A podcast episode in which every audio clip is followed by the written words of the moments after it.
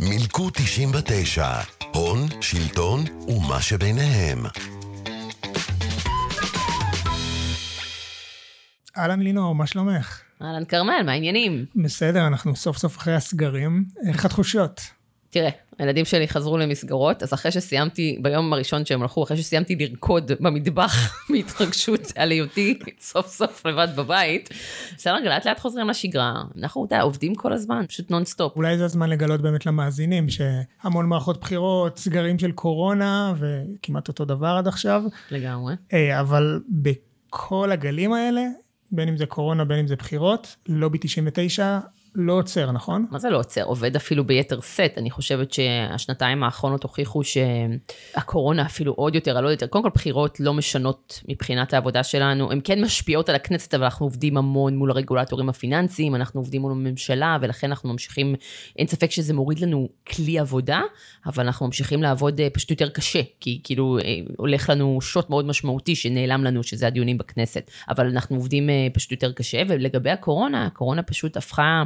הפכנו לקצת להיות הילד עם האצבע בסכר, כל, כל יום וכל כל דקה וחצי קם איזה הפתעה חדשה, ניצול חדש של הסיטואציה. הצד השני לא נח בניסיונות לעשוק את הקופה הציבורית, כי הנה אפשר, ואנחנו פשוט עובדים ביתר שאת כל הזמן כדי לעצור מחדלים ומחטפים.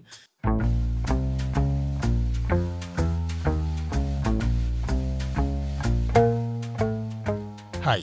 אתם על עוד פרק של מלכוד 99, ולינור, כלומר לינור דויטש, מנכ"לית לובי 99, מתארת מציאות נטולת כנסת, כזו שמאלצת לחשוב מחוץ לקופסה.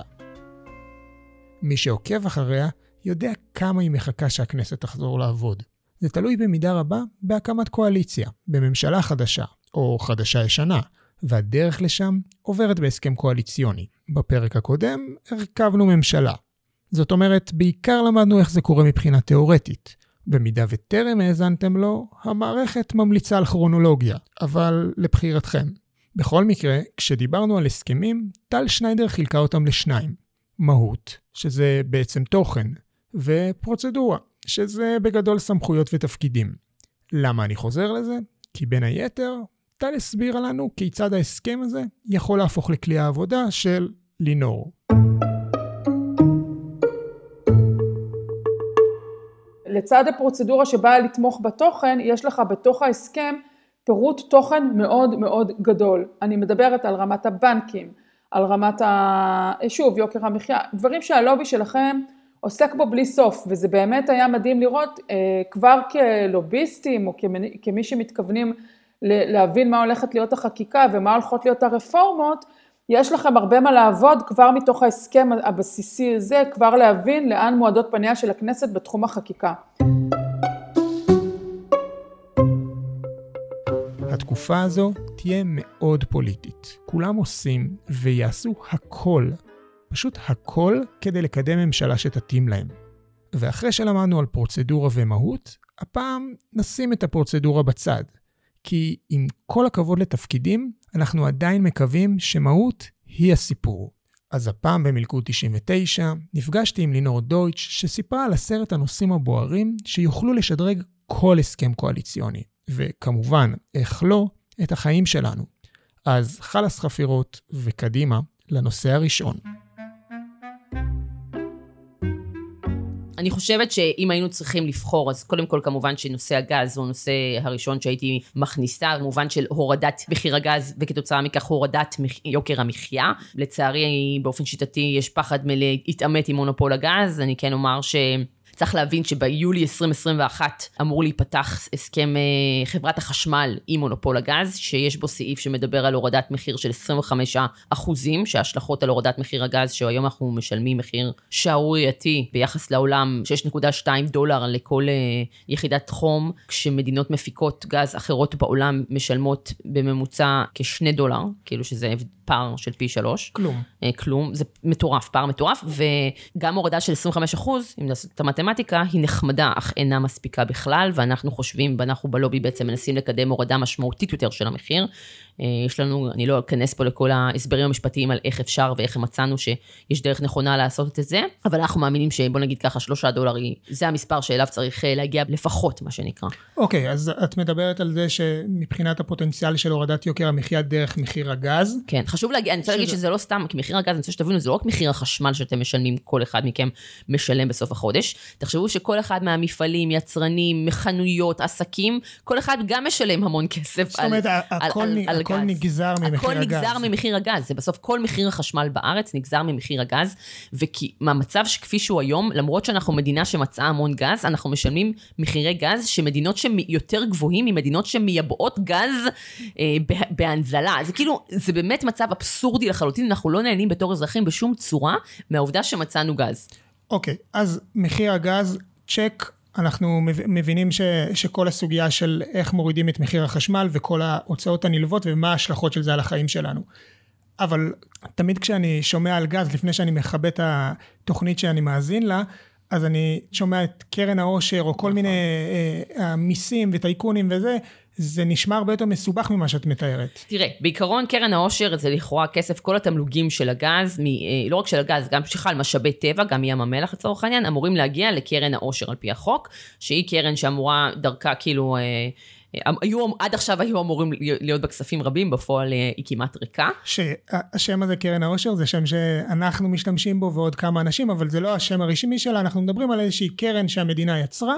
כדי שכל התמלוגים מאותם... ממשאבי אה, הטבע יגיעו, יגיעו אליה, ואומרים שהחל ממיליארד שקלים יתחילו כאילו להשתמש בכסף. תביני, אה, לא, אה, לא הגיעו, עכשיו כרגע אפילו רחוקים בחצי מבכלל להגיע למיליארד שקלים, בקושי נכנס לשם כסף, למרות, לכאורה, למרות מציאת הגז, למרות ים המלח, למרות שכולם אמורים לשלם את המיסים שלהם, זה לא קורה. אם אתה שואל אותי ספציפית להסכם הקואליציוני, היינו רוצים להכניס סעיף בחוק, בחוק משאבי טבע, שיחייב שקיפות כדי שנוכל לראות את הפשרות שמס הכנסה עושה עם חברות הגז לצורך העניין, או עם כי"ל, כי מה שקורה בפועל זה שלא נכנס כסף, והם טוענים שהם מול מס הכנסה, אבל אין לנו שום דרך, הדברים האלה בעצם חסויים, הם מול מס הכנסה, אנחנו לא יודעים מה קורה שם, ואנחנו רק רואים שעושים שם חישובים, שהם בשום צורה לא הגיוניים על פי הכסף שאמור היה להיכנס, ולכן אם היית שואל אותי, היינו, היינו מכניסים סעיף שמחייב שקיפות שם, כי בסוף אה, יש חובה, משאבי טבע זה שייך לציבור, ויש איזושהי חובת דיווח לציבור שלא מתקיימת היום בכלל. שימו לב למה שלינור אומרת. הגז משפיע על יוקר המחיה פעמיים. ביד אחת הוא משפיע על מחיר החשמל, וצריך לומר, יש פה הזדמנות לפתוח את החוזה ולהוריד מחירים. ביד השנייה, קרן העושר. קרן שאמורה לאגור תמלוגים ממשאבי הטבע, ובפועל אפשר לומר שהיא די ריקה למרות התחזיות וההצהרות. ואם כבר קרן העושר, אז היא מובילה אותנו לנושא השני. מוכנים? אנחנו בעצם אה, מדברים על זה שהזיכיון לים המלח של האחים עופר, היום זה עידן עופר, מחזיקים את הזיכיון מים המלח שניתן להם ב-1990, אוקיי? וזה ניתן זיכיון ל-40 שנה, והוא אמור לפוג ב-2030, שזה עוד, נשמע לכם עוד המון זמן, זה כאילו עוד תשע שנים. במושגים של זיכיון והעברת בעלות, זה, זה כבר עוד שנייה, זה מעבר לפינה. הצוות שבעצם התחיל לעבוד על הסיפור הזה היה כבר אמור להגיש, מסקנותיו כאילו כבר לפני אה, שנה וחצי, שום דבר לא מטופל בגלל הנושא של הבחירות, ובעצם ככל שהזמן עובר, הזמן כאילו בעצם משחק לטובת זה שבעצם אה, כי"ל אה, ועידן עופר יקבלו את הזיכיון עוד פעם, ואנחנו היינו רוצים להכניס איזשהו סייג, שמי שיש לו אה, עניינים לא פתורים עם רשות המיסים לא יוכל להתמודד על זיכיון ים המלח. אני אומרת את זה כי למרות שעבר חוק ששינסקי 2 ב-2016, שמעלה את התמלוגים שכימיקלים לישראל אמורה לשלם על ים המלח, שעיקר הכסף יש שם חמישה מחצבים, פוספטים, אה, ברום, אשלג, כל המינרלים, כל המינרלים בדיוק, אשלג זה עיקר הכסף, וקריאת האשלג בים המלח היא בניגוד לכל העולם שצריך מכרות מסובכים וכדומה. בים המלח אתה ליטרלי קורא את זה עם כפית, אוקיי? אין כמעט, אין כמעט הוצאות, ולמרות זאת, כאילו, שבעבר חוק ב-2016 שאומר שבעצם ישלמו תמלוגים החל מס רווחי יתר, שבעצם היה אמור להכניס עוד 400 מיליון שקל לשנה לטובת uh, הציבור. רק לסבר את האוזן, הדיבידנד השנתי לפני זה לים המלח עמד על משהו, ממוצע עמד על משהו, של האחים עופר עמד על משהו כמו 1.2 מיליארד. שקל לשנה, שמתוך זה המדינה מקבלת משהו כמו 60 מיליון, שזה חוסר פרופורציה מוחלט. אז המטרה הייתה לשנות את זה, ובעצם החל מ-2016 ועד היום, כימיקלים ישראל הצטבר לה חוב של בעצם עוד 180 מיליון דולר שהיא אמורה להעביר לטובת מס ששינסקי, משהו שלא קרה מאז, כי בעצם מאותו רגע שהחוק עבר, הם שינו את ה... שינו את איך הם מחשבים את ה... בעצם מה הוא... משנים, משנים את הדוחות, ובעצם החליטו שלא, אנחנו לא משנים את הכסף הזה, יש איזושהי מחלוקת מול רשות המיסים שלצערי לא מספיק אוכפת, אוכפת את כוחה, והכסף לא נכנס, ואם אתה שואל אותי על עוד סעיף שהייתי מכניסה, זה שבאמת, עד שהם לא יסגרו את החובות שלהם, הם פשוט לא יוכלו להתמודד, החוב שלהם לציבור, כן? כי רשות המיסים זה כסף שנכנס לקופה הציבורית, לא יוכלו להתמודד על הזיכיון של ים המלח הבא. זה סעיף שהייתי גם מכניסה. אוקיי, okay, אז שתי נקודות שכבר נשים בצד. אז באמת הנקודה הבאה והקלאסית שהייתי מדברת עליה, היא נושא הריכוזיות. ישראל, אה, ישראל המשק הוא מאוד מאוד ריכוזי, אנחנו... אה, כשאת אומרת ריכוזי, בואי תנסי במילה להסביר. אני אסביר, ריכוזי זה אומר שיש מעט מאוד גורמים, טייקונים, בעלי הון, חברות, ששולטים בסוף בחלקים גדולים אה, מהמשק, מחזיקים בסוף המון חברות, לצורך העניין עם תשובה הוא בעלים של מונופול הגז, הוא גם היה עד לפני חוק הריכוזיות, שתכף אני אדבר עליו, אבל בגדול תחשוב שהוא מחזיק את מונופול הגז, שזה המונופול המשמעותי והגדול ביותר בישראל, את הפניקס, שהיא אחת מחברות אה, הביטוח, בחמש חברות הביטוח, אה, שאני בטוחה שחלק מהאזרחים פה, מאזינים שלה בעצם אה, מבוטחים. מבוטחים שם, או מנהלים את הפנסיה שלהם שם, במקביל מחזיק 20% מערוץ 12 לצורך העניין. אז את מדברת באמת על בן אדם שהוא כמו תמנון, נכון. יש לו זרועות בכל נכון. התחומים, והכל זה מין מוצרים משלימים, כדי שתהיה לו אחיזה בכל אחד מהתחומים שבסופו של דבר משפיעים על חיי היום. היום-יום שלנו. יש לנו אגב כמה סרטונים מאוד מוצלחים על זה, שיופיעו, אנחנו נשים לינקים אליהם באתר של הפרק, אז תוכלו להיכנס אחרי זה ולצפות בהן.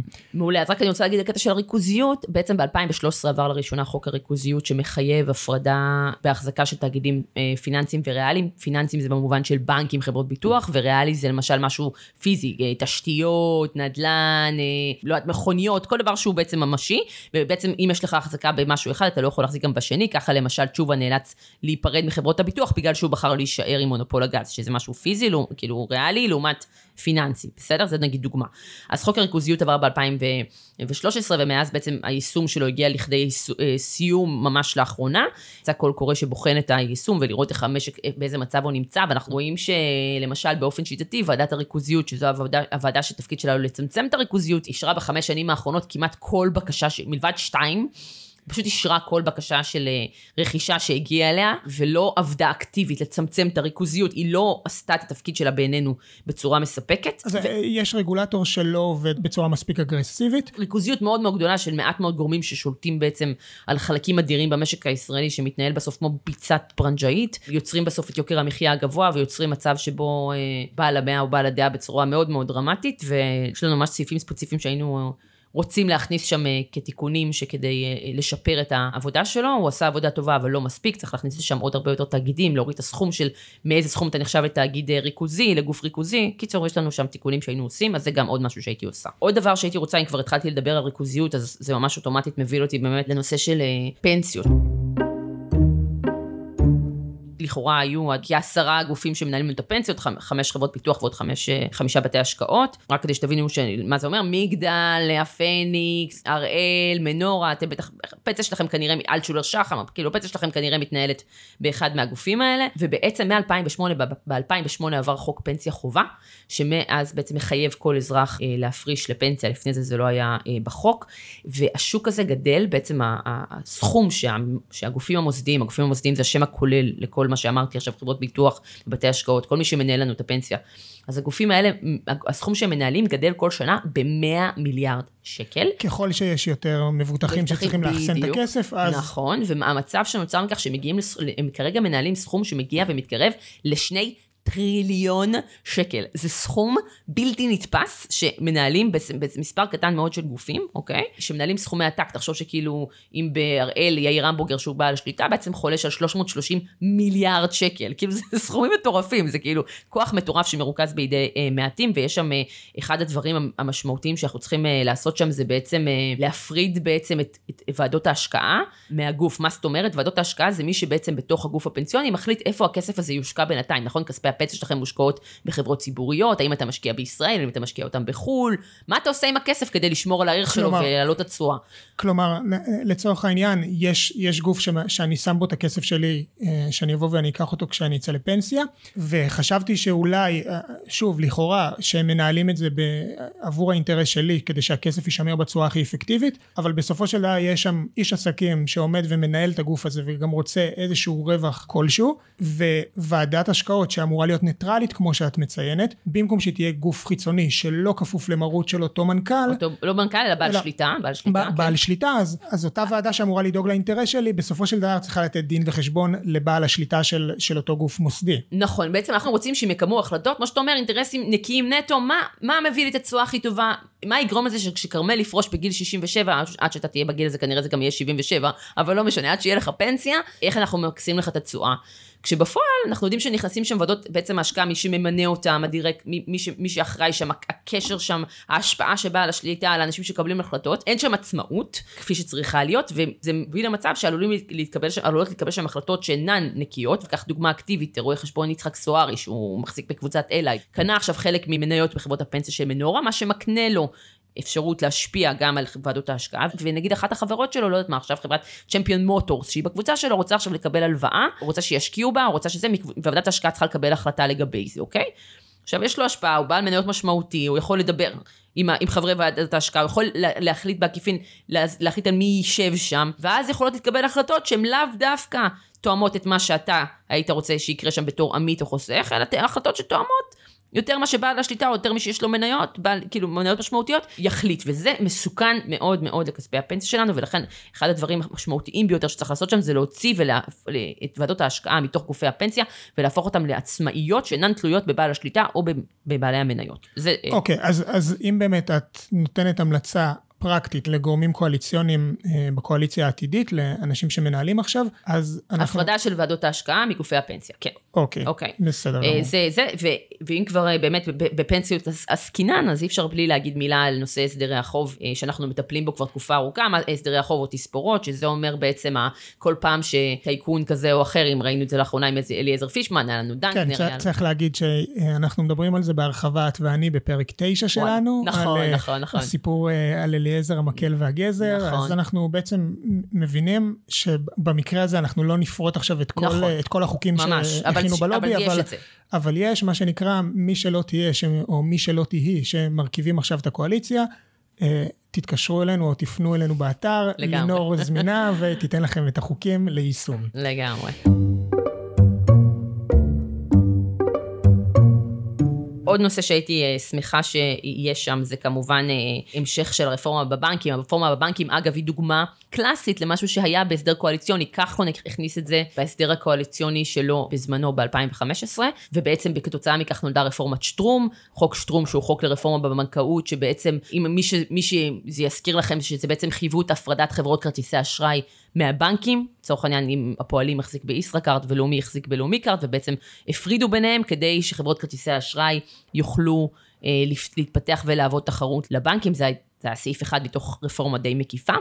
ובעצם מאז שהיא עברה ב-2016 אנחנו במאבק מתמיד על היישום שלה, הרבה מאוד דברים עדיין לא קרו, למשל חוק בנקאות פתוחה שמאפשר לחברות פינטק להת, להת, להתממשק לבנק ובעצם לפנות אליכם ללקוח ולהציע לו עסקאות זולות יותר, הלוואות זולות יותר באמצעות הנתונים שיש לבנק. הבנק הדיגיטלי. הבנק הדיגיטלי, יש הרבה מאוד כל דברים. הארנקים, זה דברים שעכשיו אנחנו קצת, אה, ממש עכשיו חבלי. לידה, נכון, ממש בחבלי לידה, אה, שזה גם דברים שגם, לא ניכנס עכשיו למה שביט עושה לשוק, וכאילו להשתלטות שלו על התחום, אבל בגדול יש שם הרבה דברים שעוד אפשר וצריך לעשות כדי להשלים את הרפורמה, כדי שבאמת תהיה תחרות בשוק הבנקאות. למה זה חשוב? כי אזרחי ישראל משלמים כל שנה 16 מיליארד שקל, תקשיבו לסכום הזה, 16 מיליארד שקל, על עמלות לבנקים. מה זה עמלות? אתה עושה דברים בלחיצת כפתור. לא צריך פקיד שיעביר חומר מכאן, כאילו באמת, הכל בלחיצת כפתור, ואתה לפעמים משלם עשרות שקלים על, על, על פקיד שלחץ על Enter, בסדר? וזה, וזה מגוחך. וזה בגלל שאין תחרות בשוק הבנקאות, כי לא קם בנק חדש בישראל 50 שנה. אגב, אנחנו כן מקווים שהבנק הדיגיטלי שיקום בקרוב אה, יצליח לשבור את זה, למרות ששוב, בגלל שהרבה מאוד מהחקיקה שהייתה אמורה לעבור לא עברה בסוף, אז הוא בעצם נכנס להתחרות לזירה עם ידיים קשורות, שזה דבר נוראי, כי נורא שמחנו על הבנק הזה כדי שיכניס תחרות, שיהיה גולן טלקום של שוק הבנקאות, ואם לא תעבור החקיקה שתתמוך בו, זה פשוט לא יקרה והוא יקרוס, ושוק ריכוזי, שנשלט על ידי דואופול של פועלים ולאומי שמחזיק 61% מהשוק, ולא לא תהיה לנו פה תחרות, פשוט נמשיך לשלם הון לנצח. אז באמת בנושא הזה אנחנו מבינים שחייבים להמשיך לקדם את אותן המלצות שוועדת שטרום בזמנו אה, הגישה, וגם כמו שאמרת, זה כבר, השלמות, כן. זה נושא שממש היה בעבר נכון. בהסכמים קואליציוניים, ושיש הרבה מה לעשות בו. נכון. כן, בזמן ש... כולם מנסים להרכיב ממשלה, דווקא ההסכם הקואליציוני שלנו מתחיל להתבהר. בואו נראה מה היה לנו עד עכשיו. דיברנו על הגז, על כמה הוא משפיע על יוקר החשמל ויוקר המחיה, וזה לא נעצר פה. הגז גם היה אמור להכניס כסף לקרן העושר, ופה משתלב גם הנושא השני שלנו, ים המלח. חוץ מהמשאבים, דיברנו גם על ריכוזיות ועל בנקים ועל פנסיות. לפי הספירה שלי, חמישה נושאים מאחורינו. מה הלאה? יש שיגידו, החיים עצמם.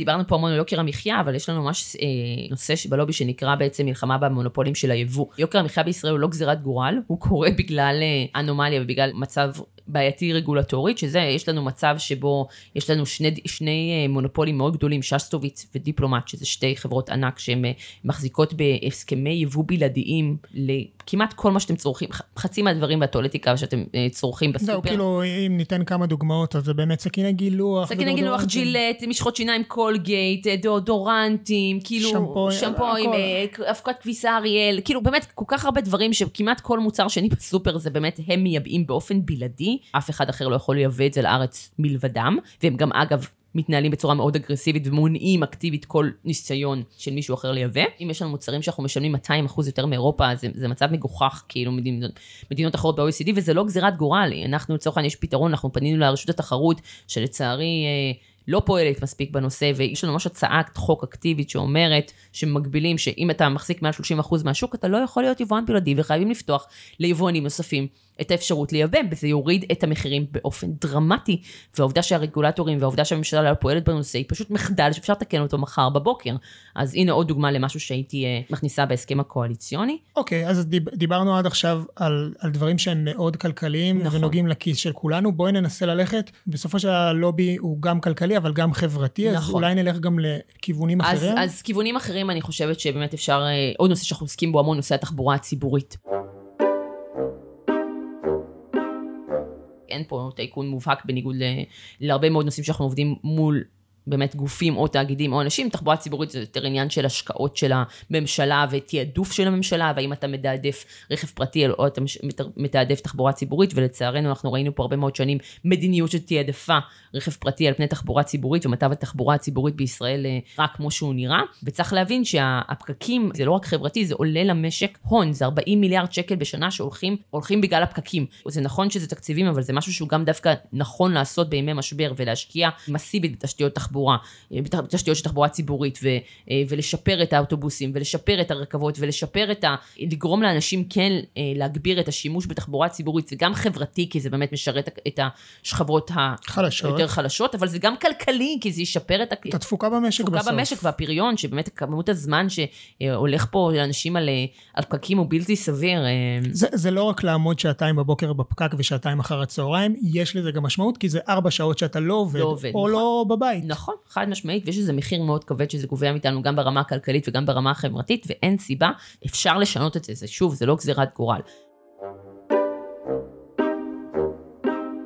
זה אולי נשמע כאילו אנחנו יושבים ומתלוננים, אבל היי, hey, אני מזכיר, הפרק מסמן עשרה נושאים כלכליים חברתיים שאם רק היו מתייחסים אליהם בהסכמים, היה פה יותר טוב.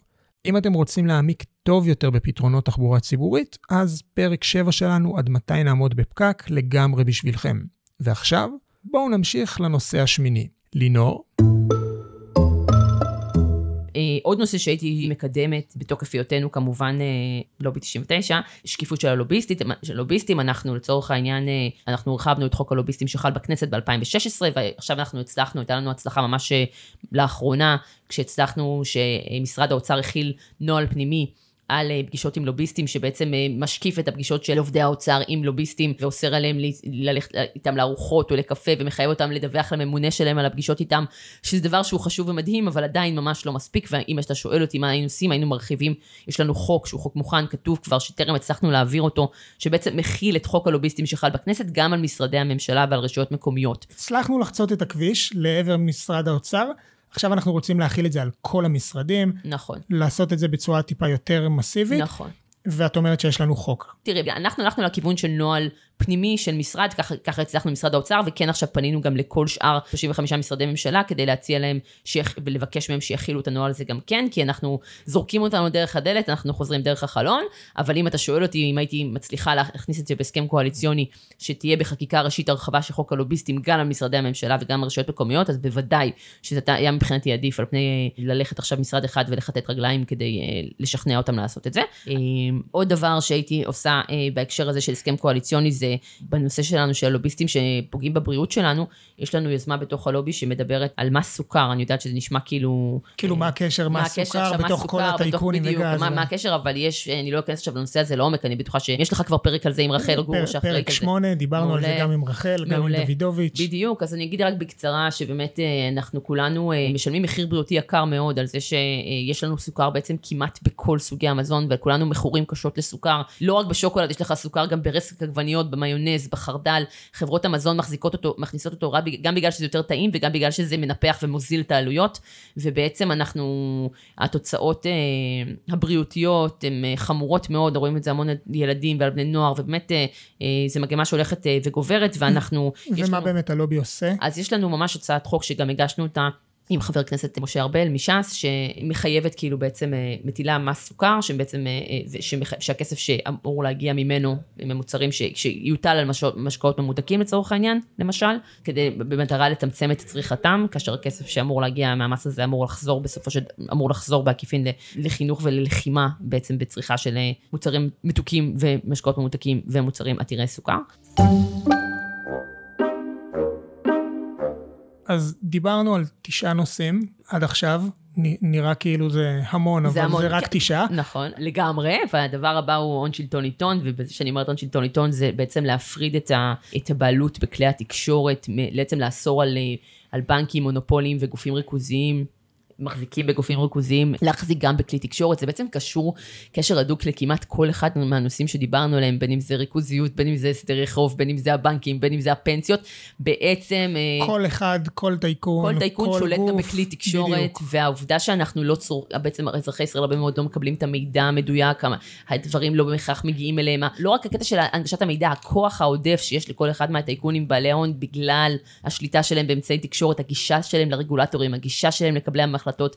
לצורך העניין פישמן הצליח להגיע לאן שהגיע בגלל ההחזקה שלו בגלובס, בגלל שהבנקאים והרגולטורים פחדו ממנו, בגלל שפחדו להודיע שהוא בעצם, כולם ידעו שהוא פושט רגל וכולם פחדו לדווח על זה. הכוח התקשורתי לא סתם כאילו, לא סתם דנקנר הלך וקנה את מעריב, לא סתם אה, תשובה מחזיק 20% מערוץ 12, ולא סתם לנד בלנטוויק הלך וקנה ערוץ 13, ולא לא סתם עידן עופר החזיק בערוץ 13, או נוני מוזס וידיעות, או אלי עזור ועכשיו... אין לזה סוף. אין סוף, אין סוף. אתם ממש אפשר לראות שיש קשר הדוק, הדוק, הדוק.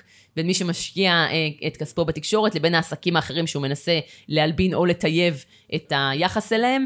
ו, ואם היית שואל אותי איזה חוק באמת הייתי רוצה שיעבור, זה באמת הפרדה ואיסור על מי שמחזיק מי שבעלים שהוא מישהו מחזיק בבנק, בכלי, בגוף ריכוזי או במונופול בישראל, להחזיק, לשלוט גם בכלי תקשורת, והיה פותר לנו כמעט חלק מאוד ניכר מהבעיות האחרות. נראה לי שיש כאלה שיגידו לך שאף אחד לא- אחר לא היה משקיע בגופי תקשורת עם לוליהם, אבל... אני כן חושבת שיש פתרונות, ואני כן חושבת שהרצון להתעסק עם הנושא הזה הוא נושא ש... אין כמעט פוליטיקאי בישראל שרוצה לגעת בו. יש להם נושא... הרבה מאוד מה להפסיד. יש להם הרבה מאוד מה להפסיד, והם לא, את יודעת, בסוף, בסוף זה, זה, זה די מבאס, אבל זו המציאות, ולכן הסיכוי שלנו להצליח להעביר דבר כזה בהסכם קואליציוני לא גבוה עד לא קיימת, אבל אם אתה שואל אותי בשאיפה, אז כן היינו, אה, זה משהו שהייתי מאוד רוצה שיקרה. אוקיי, לינור, אז אנחנו הספקנו הרבה מאוד, זה נראה מאוד מאוד מרשים, דיברנו על משאבים, על ים המלח, על, על הגז, על תחבץ, על פנסיות, רפורמה בבנקים, יוקר המחיה, בריאות, ריכוזיות, הון שלטונית הון, שקיפות, לוביסטים, המון דברים.